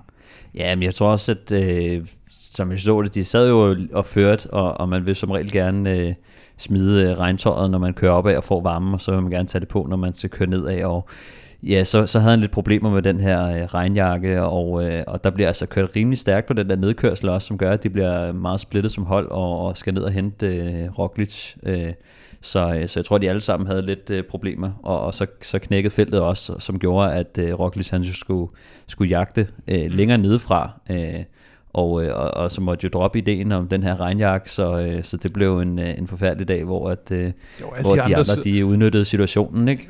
Jo, de sidder jo i store regnjakker og gabberjakker ja. og han, store handsker og sådan noget, og så kommer han i den der lille, mm. lille kortere med trøje. Ikke? Det, man kunne se, det var helt. Jamen, da du skrev, der tænkte jeg bare, en ombrød, han er, han er supermand, han er slovener, han har dyrket skihop før, der har de også stået i, i sådan en eller anden speedsuit i minus 20 grader. Ikke? Ja. Men øh, det, blev, jeg, faktisk, det interview, øh, du lavede med Kasper Pedersen for et par uger siden, øh, der, øh, eller det var, under, det var under Tour de France jo, øh, der sagde han jo netop det her med, at man bruger så meget mere energi, hvis man fryser. Mm. Og det var jo næsten helt tydeligt på Roglic, at han sad der, og han kampfrøs, og så lige pludselig, så kunne han ikke følge med længere. Ja, netop, og jeg tror faktisk også, øh, Kasper, han, øh, han har sagt det der med, altså kroppen skal jo bruge energi på at varme sig op, og det betyder, at, det, at øh, man, man bruger mere energi og skal have mere at spise, øh, og, og på den måde, så, man, så går man lettere kold i, i den anden forstand også, altså det, man batterierne løber, løber tør i, i koldt vejr. Øh, og man har altså ikke rigtig lyst til at sidde og spise og drikke, øh, når det regner også, så det kan også være en, en udfordring, øh, så, så det hele bliver, bliver bare lidt sværere, og ens øh, cyklen kører langsommere, og øh, man får sådan et øh, firkantet tråd, så, øh, så det er faktisk bare øh, ren øh, jo, helvede du, at, at køre i. Og du har jo præcis det samme, når det er det modsatte, når det modsatte altså hvis det er for varmt, og de rytter, der ikke kan klare varmen og så videre, ja. så kan de heller ikke spise, og de kan heller, og de bruger også helt vildt meget energi på at få køle kroppen ned i stedet for, ikke? Eller, ja, det har de så begyndt at, at bruge øh, de her isposer, isposer og sådan nogle ting, ja. øh, for, at, for at komme lidt ud, og det her vi så med, med Jakob med de her håndleds øh, mm. ting, han havde på for, for at køle kroppen ned, ikke? Så, så det er der trods alt en eller anden form for, for løsning på, øh, og, og regntøj kan, kan kun øh, være med, så, så længe det kan. Øh, så, så, så ja, jeg tror bare, at, at, at og han får egentlig begrænset det fint nok, fordi at, øh, jeg tror, han mister 40 sekunder til Carapaz, øh, og nu ligger han 30 sekunder bag i, øh, i, i samlet klassement, så, så egentlig okay at, at redde den igennem på den måde. Richard Carapaz, han fik øh, både sin regnjakke på, og lidt senere, der kunne han også iføre sig den røde førertrøje, fordi øh, han øh, kom altså ind øh, som den bedste i den her favoritgruppe. Øh, Roglic røg helt ned på fjerdepladsen, så selv Hugh Carthy øh, gik forbi ham i klassementet. Øh, jeg kigger sådan lidt på det her med Hugh Carthy, der kører fra EF, øh, og tænker lidt, øh, at hans holdkammerater, Danny Martinez og Michael Woods, de begge to er skadet, eller har styrtet i hvert fald. Øh, er det hans chance nu, Hugh Carthy? Det er det da bestemt. Altså øh, jo, altså Danny Martinez er jo ude af løbet, ikke? Og, øh, og Michael Woods han er langt efter i klassementet, så, øh, så han, har skaffet, han har en god hjælperytter i, i Woods i hvert fald, øh, hvis, øh, hvis det kommer til... Og nu, nu ligger han godt til, så, øh, så, så han har et, et okay hold til at bakke sig op, og han er også en af de her unge rytter, som faktisk har kørt rigtig godt, og øh, som vi måske skal til at, at holde øje med, og så er det også bare en sæson, hvor, hvor man føler, at alt kan ske, så, øh, mm. så den, er, den er rimelig åben, og, og det er også... Øh, jeg, jeg har et godt øje til ham i hvert fald, jeg tror, øh, men, men om han vinder, det, det er jeg sådan lidt i tvivl om, men, øh, men det ligger altså rimelig godt til ham lige nu. Han har vist sig at være ret stabil, men har måske også vist en lille smule svaghedstegn øh, på, på nogle af de første bjergetapper, hvor han ikke sådan var en af de allerstærkeste. Der var det jo Roglic, Dan Martin og Carapaz, der, mm. der lige viste sig lidt bedre, men, men hvis han fortsætter sådan her, så, så kan det sagtens blive til en, til en podieplads. Det var et, øh, et større udbrud, der kom afsted, og, og mange for udbruddet endte også med at komme ind foran øh, selve hovedfeltet. Øh, en af dem, der var med, og som sluttede som nummer 5 på etappen, det var faktisk Michael Valgren.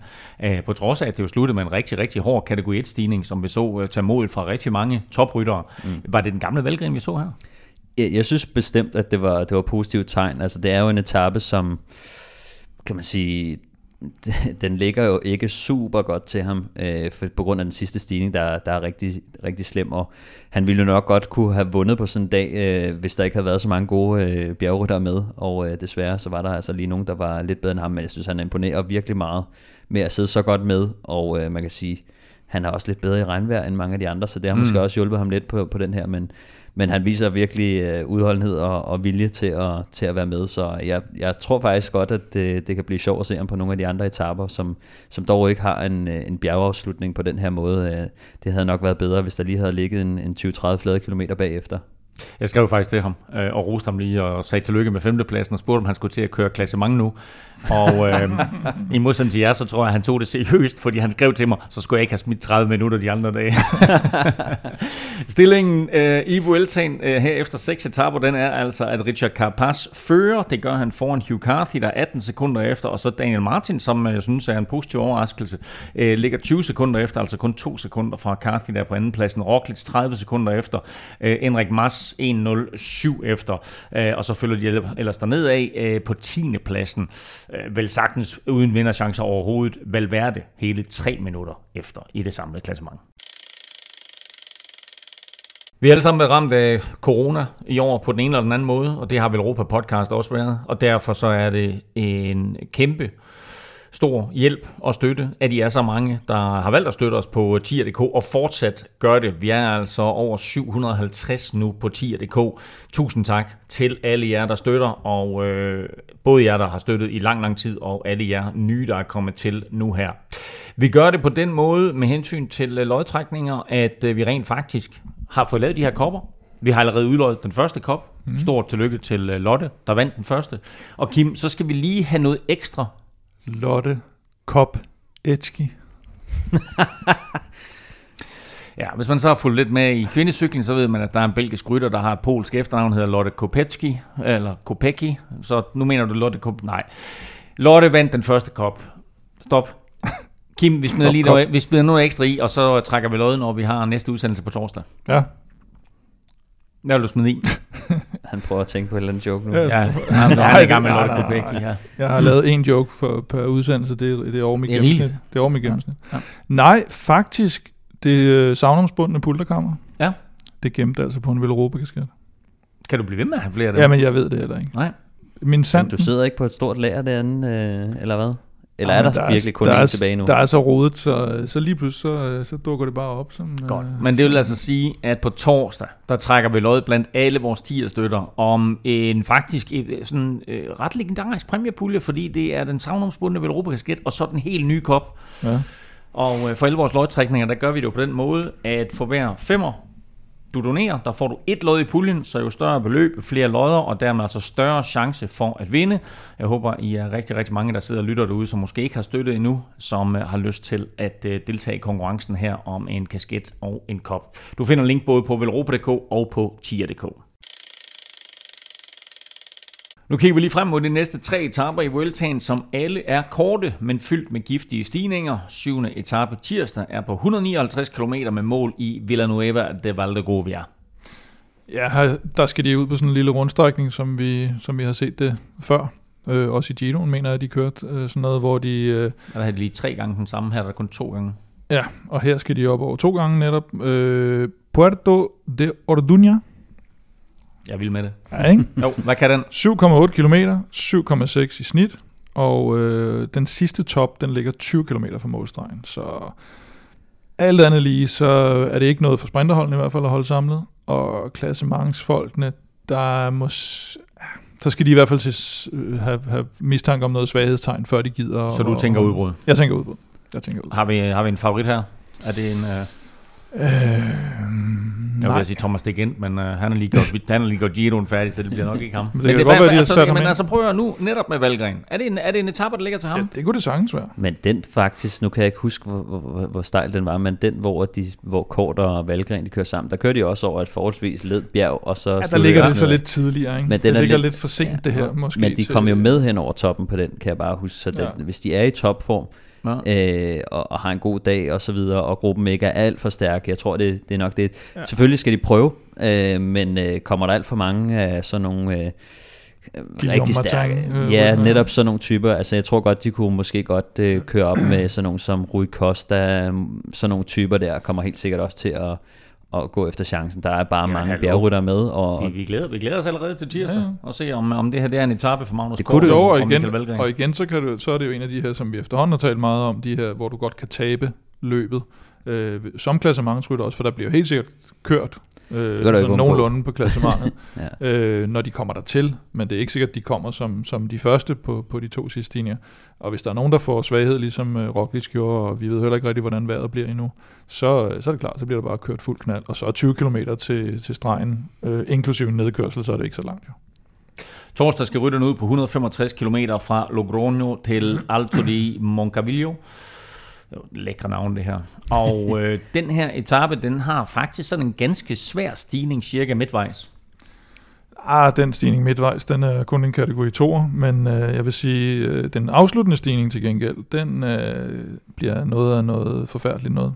Fordi den øh, på papiret 11,3 km med 7,6 i snit, det minder en lille smule om de to øh, stigninger, de egentlig skal over dagen før. Men her der er der bare det, at de første 4 km, de er altså relativt flade, og med flade, der er det sådan, at de to af kilometerne, det er nede på 1-2 procent. Mm. Hvis du trækker det fra, så er det klart, at øh, så, så stiger snittet jo lidt til sidst, og det vil sige, at de sidste 7 km, godt 7 km, de ligger mellem 9 og 11 procent. Og, der, og, og det er ikke noget med, at der lige pludselig er et eller andet øh, fladt stykke eller noget, så, så den, øh, den tager virkelig ved. Og det er faktisk en ny stigning, de kører her. Det øh, kan du sagtens have ret i. Ja, det er i hvert fald en, som, øh, som, som ikke, de aldrig har kørt i Vueltaen før, så, så det bliver noget, noget nyt at se den. øh, Så jeg er ret spændt på at se, hvordan, øh, hvordan den egentlig ser ud, øh, og hvordan øh, løbet kommer til at, at forme sig på den. Øh, Ja, men det er, altså, det er altid, de, man har ikke rigtig noget at sammenligne med på den, så, øh, så det kan godt øh, gå, gå for sig på den her. Øh. Jo, men også fordi det netop er, altså havde det nu været modsat, og så de sidste fire kilometer var flade, ikke? Så, mm. så har du ligesom det der, du hele tiden sidder og tænker på, kan det svare sig at gøre det der?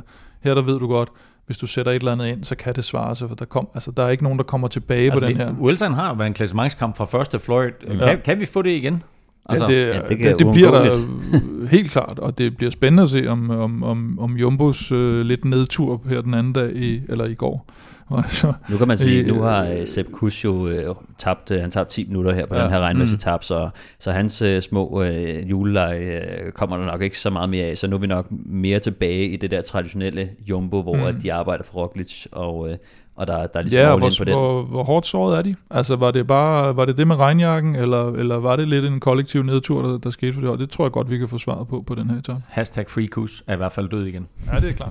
Torsdag er der 158 km fra Castillo del Var Aguilar det er Campu. Campu. Campu. Uh, ej, jeg tror faktisk, det der, der er mål. Og uh, selvom etappen den ikke sådan har direkte bjerge, så kører rytterne faktisk i næsten 1000 meters højde hele dagen. Det kan godt trække nogle kræfter ud. Ja, det kan det godt. Luften er jo en lille smule tyndere. Det er jo ikke en helt nok til at kalde det en højdetræningslejr. Uh, men, uh, men det, det, det, det er lidt hårdere. Jeg tror dog, at, at sprinterne de, de har dog også prøvet at, at være lidt i højderne. Og, og så tror jeg bare, at det bliver, det bliver en sprinteretap. Øhm, så, øh, så, så det bliver spændende at se. Jeg synes, at vi har et, en meget god duel mellem, øh, mellem øh, Jasper Philipsen og Sam Bennett og Pascal Ackermann i, i kulissen. Jeg synes, det, jeg synes, der er mest spændende, det er faktisk den her duel mellem øh, Bora og det kønne Quickstep. Fordi Bora har også et meget godt øh, lead-out-tog, og specielt øh, ham her, øh, Rudiger Selig, som øh, er den her dedikerede lead-out-mand for, øh, for Ackermann. Øh, det er lidt spændende, fordi at vi har øh, Sam Bennett og øh, Mørkøv i den anden øh, i den anden vogn, og, øh, og de kommer nok til at, til at ligge og kæmpe lidt omkring, øh, hvem, kan, hvem kan time lead-outet. Den ligger nok lidt mere til Quickstep lige nu. De har trods alt også øh, Stiber, som, øh, som er en god øh, mand til lige at, at sætte frem, og, øh, der tror jeg, det mere for dem handler om, og nogle gange så kan han godt smadre sådan en lead-out-tog lidt, fordi han har simpelthen så mange kræfter og, og en acceleration, der, der sparker røv, så, øh, så han skal, ham skal de bare have tøjlet, så, øh, så sidder de rimelig godt til det. der er ikke ret mange sprinteretapper i årets Vuelta, så må ikke Michael Mørkøv og Sam Bennett, de har sat et stort frit kryds i kalenderen her. Vueltaen kan ses både på Dplay og på TV2. Vil Europa sponsorere sig Odset, der udbydes af danske licensspil? Odset tilbyder masser af odds og specials på alt det interessante ved cykelsporten. Husk, at man skal være minimum 18 år og spille med omtanke. Regler og vilkår gælder. Årets Vuelta a Spanien er på kun 18 etaper, så der er nu kørt præcis en tredjedel af løbet, og de første seks etaper har faktisk været med seks forskellige vindere. Roglic vandt første etape som Marc Soler, anden etape Daniel Martin, tredje Sam Bennett, Tim Wellens og Jon Isagire. Hvis det fortsætter, så får vi altså 18 forskellige vindere. Øh, det kommer dog næppe til at ske. Vi skal øh, have fat i de sædvanlige spiltips fra Odset, og vi lægger ud traditionen tro, Kim, med Velropas vinder. Ja, det er lidt i fjeset på dem, der i sidste uge fulgte vores øh, forslag til at, at, at, at købe Roglic til 1,65 som, øh, som vinder. Den henter du igen. Den henter vi igen, fordi øh, nu går man så bare ind og dobler op til odds 3. When in trouble, double. When in trouble, double. Han giver han odds 3 nu? Han giver odds 3 nu, fordi øh, regnjakke gate. Wow, okay. Og det er selvfølgelig boostet øh, fra sådan ja. 72 sagt eller andet, eller hvad? Ja. Og, det, øh, og øh, altså resonemanget er jo så, at det var en, øh, en enlig Sva- svane, som der nogen siger. Ja, Men vi kalder det svale. En enig svane, ja. eller svale. Ja. Øh, jamen altså, vi havde øh, allerede anbefalet ham til odds 1,65, og nu får man altså hele odds 3, hvis øh, Roglic han vinder Vueltaen. Det er da ganske sandsynligt faktisk øh, stadigvæk. Vi skal have fat i Stefans staldtip. Ja, den, den, den kom lidt ud af, at uh, Jonas Agite fra, fra Astana, han vandt uh, en etape her, så sad jeg og tænkte på, hvor mange uh, kan Astana egentlig vinde? Og uh, der hedder øh, staldtippet altså, de vinder mindst tre etapper. Så tre eller flere til Astana i, og, i Vuelta. Og de har en allerede. De har en, og der er kun 18 etapper, skal vi huske. Men da jeg sad og kiggede på deres hold, så tænkte jeg, hold da ferie. Altså, der er mange gode chancer for at, for at vinde etapper. Øhm, det vigtigste er, at øh, Vlasov han er ligesom ude af klassementet, det vil sige, at det eneste, der er tilbage for dem, det er etappesejre.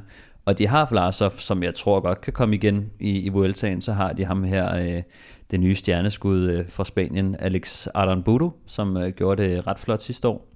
Øh, så har de Omar Frejle, som også har, har vundet nogle store etappesejre fra Isagite-brødrene, og Luis Leon Sanchez. Så der er rigtig Wow. mange chancer for Ja. dem øh, for at vinde en etape, og når det er deres eneste mål at, at søge de her udbrydere og vinde etaper, så, øh, og der er ikke nogen af dem, der, der, der holder sig til i klassementet. Der er, der er rigtig gode chancer. Og hvad, hvad er Otto? Otto, det ligger jo også rimelig højt, og det er jo det, der er det fede ved det. Den er 3.30, Fedt. så de mangler to. Godt, jamen øh, du er jo ude i det der med etappesejr, for du har faktisk et øh, vedmål kørende også stadigvæk, der hedder, at Hugh Carthy vinder en etape Der er også lige en til års for til Gilles Cardi, tror jeg. Så. i Vueltaen. Ja, men det kan godt være. Der er etappesejr til alle. Godt, og øh, så skal vi have naturligvis Plæstners podium, og her der skal vi have fat i en gammel kending.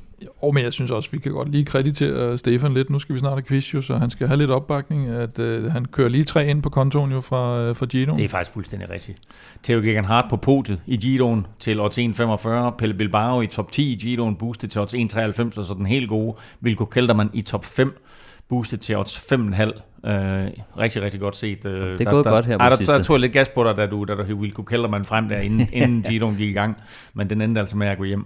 Øh, til gengæld så skal vi ikke nævne, hvordan det er gået for Plæsters podiet i, i Giroen. Øh, og du fik... Øh, hvad? Du fik, Fik ingenting. du fik Ej, det gik ingenting. faktisk meget godt ind til, ind til, til lige den her med... Nej, det var Vuelta, kan jeg se. Ja. Ja. Nej, det er godt nok. Øhm, nej, øh, jeg har jo allerede Movistar top 3, øh, som man fik 1,65, og øh, nu kører vi den lidt op og siger, at det bliver nok ikke Valverde, men øh, det bliver Henrik Mars, og så kan vi faktisk få odds 2,10. Han ligger femmer. Han øh, har både i Weltagen sidste år, turen i år, som vi vist også har talt om, kørt sig gevaldigt op i tredje uge, og øh, kører en lille smule bedre på enkeltstarter, øh, eller lidt overraskende godt på enkeltstarter, når det, når det tager ham. Øh, I hvert fald i forhold til Hugh Carthy og, og Dan Martin. Så øh, måske øh, ligger der faktisk en øh, top 3 til ham og venter. Til boostet til odds 210. Sådan. Jamen, øh, der har du dem altså. Velropas vinder, Primus Roglic vinder Vueltaen, boostet til odds 3 rent. Astana vinder mindst 3 etapper, er Stefans staltip, den er boostet til odds 3.30. Og så altså Henrik Madsen ender i top 3 samlet. Det er Plæstners podie, boostet til odds 2.10. Det var dagens spiltips, bragt i samarbejde med oddset fra Danske Spil. På nyhedsfronten vælter det ikke med de sådan helt store breaking news, men der er der et par holdskifter, der er ganske interessante. Jelle Valleis, også kendt som øh, Snelle Jelle, skifter. Ah. Ah. Er det ikke Snelle Jelle? ej. Det Nå. kan, man, det kan man i en, en, en, en, en snæver vending måske godt lige slippe afsted med. Men, Det er Jelle van Endert. Det er. Nej. Er det Jo, det? er det. Nå, nå, men jeg kaldte ham Snelle Jelle. Nå, men det er så Det er den Snelle- nye snelle Jelle. Men Snelle- Jelle Valleis, han vandt da også Snelle Jelle øh, Paris Tours. Je- Jelle. Valleis er, er væsentligt hurtigere faktisk på stregen, tror jeg, end uh, snelle Jelle. se Snelle Jelle. Ja. Ikke? Nå, nå, men han skifter altså fra Lotto Sudal til Cofidis. Uh, Fedt, mand. Entités Ben O'Connor skifter til uh, Stefan Agatoir. Asje Døser, og i den kommende sæson, der kommer de faktisk til at hedde Agatoir. Citroën. Citroën. det gør det nemlig, at de får Citroën med som øh, sponsor næste år, så det bliver faktisk Asje Døser Citroën Team, algiveligt øh, skulle de hedde. Og så går der rygter om, at Michael Valgren skifter væk fra NTT, og at han kommer til at blive holdkammerat med Magnus Kort hos EF. Ja. Øh, det lyder jo egentlig fornuftigt og øh, plausibelt og alt muligt. Øh, jeg tror bare ikke, de har så mange penge, men det kan selvfølgelig godt være, at han koster relativt meget mindre end øh, Danny Martinez, som de har fået, fået skibet af Har de til, ikke solgt til de der cykeltrøjer til vanvittigt meget, egentlig? Og det kan godt være, at de lige har fået... De har lige fået et øh, boost til at købe en rytter for. Lige Det kørt, var en god web, idé. Ja. kørt noget webshop uh, revenue. De har ikke så mange der. udvekslingsstunder i øjeblikket, så er, Nej. de, så er de til gengæld solgt øh, ternede trøjer. Ja. Ja. Ja, Nej, de det, det er jo fint, at de kan, at de- hvis de kan komme på samme hold igen, og, og, og så skal de jo have fordelt den der turetappe mellem sig, og den gang er det vel Valgrens tur til at vinde, som jeg husker det. Præcis. Det var den Så har han jo Matti, uh, sportsdirektør, Det er siddet det. der, ikke? Det er et godt, uh, godt team, tror jeg. Den er hjemme. Og det kan også godt være, at øh, Michael han er, er billigere øh, nu, end han var for to år siden, da han skiftede til øh, ja, Dimension Data, hed de jo på det tidspunkt. Mm. Gio D'Italia fik et lidt ærgerligt efterspil, da den italienske rytter Matteo Spreafigo, hedder han det? Jeg ved ikke. Sperfico. Nej, han blev i hvert fald, øh, han blev i hvert fald nappet for doping. Hvad ved vi om det? Øh, jamen, øh, det var jo noget med, at han havde øh, ikke lagt kun én do, øh, positiv prøve, men to fra, øh, var det tret, øh, 12. og 13. etape. Mm. Øhm, og det var et øh, stof, der hed øh, Osterin, som øh, uden at være ekspert på området, nu ved jeg, at når jeg skal udtale mig om de her ting, så er der et par læger, der, der, der gerne vil skrive, at øh, hvor meget fejl jeg har taget.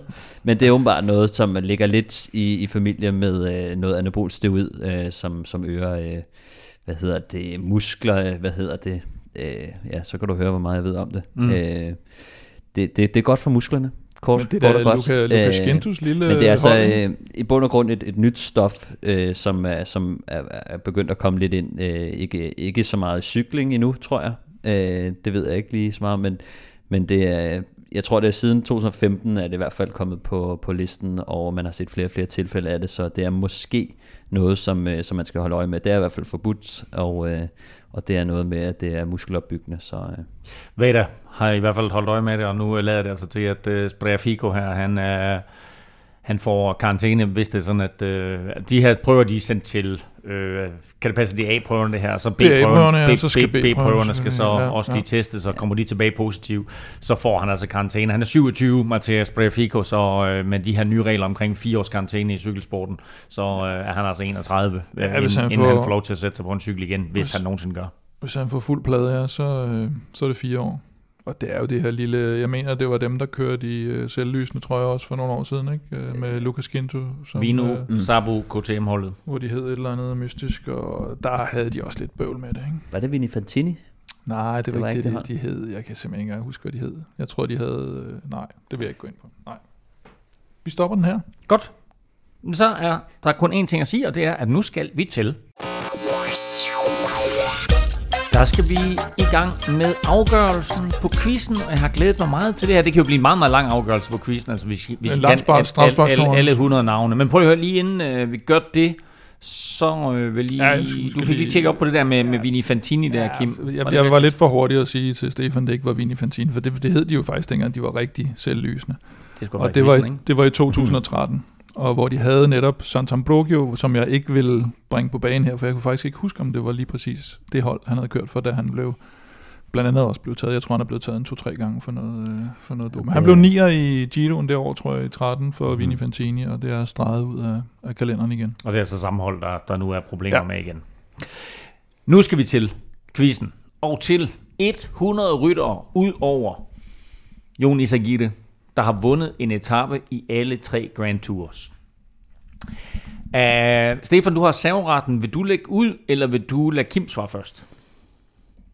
Øhm, det ved jeg faktisk ikke rigtigt, men... Øh, hvad, nå, jeg, jeg, reglerne, er starter. sim- jeg reglerne, starter. er, re- reglerne er simple. Den, den, der først ikke kan et rigtigt ja. svar, ja. mister pointet. Godt. Stefan. Contador. Jamen det interessante, det er jo faktisk, at Jamen, han er det- dopingdømt. Ja. Og derfor har han ikke Nej, men vundet en det, er etape. det, der, det, er jo det, det er jo det, jeg mener. Altså, sagde vi fra det er starten. det er Jeg sagde, jeg sagde, jeg Det sagde sagde jo vi en fra del af starten, reglerne. Stefan. Prøv at høre, vi, vi tager Contador ud, fordi Sagde han er faktisk... Ja, men det, han, han er dopingdømt. Jeg- Prøv at høre, vi gør det, at vi tager Contador ud. Han er dopingdømt, så derfor så fortæller han ikke med. Sagde jeg Contador? Det- Jeg hørte det ikke. Jeg mente øh, Hold Joaquim Kæft, Rodriguez. den, er jo, den er jo rigged som aldrig før nu. Så siger du Joaquin Rodriguez. Joaquin Rodriguez er Rod- rigtig. Så er vi på tavlen, ikke? Så siger Eddie Merckx. Uh, lad os lige tjekke her, fordi... Uh, uh, Eddie Max er også korrekt. Ej, det var svagt. Ja. Øhm, Jamen, det er jo frygteligt, jo. Luis Leon Sanchez. Øh, ja, jeg tjekker lige. Er ikke korrekt. Hold kæft, Sløjt. Stefan. Ja, Nå. Jeg gemte den der Jesper Skiby. ja, det er klart. det er klart.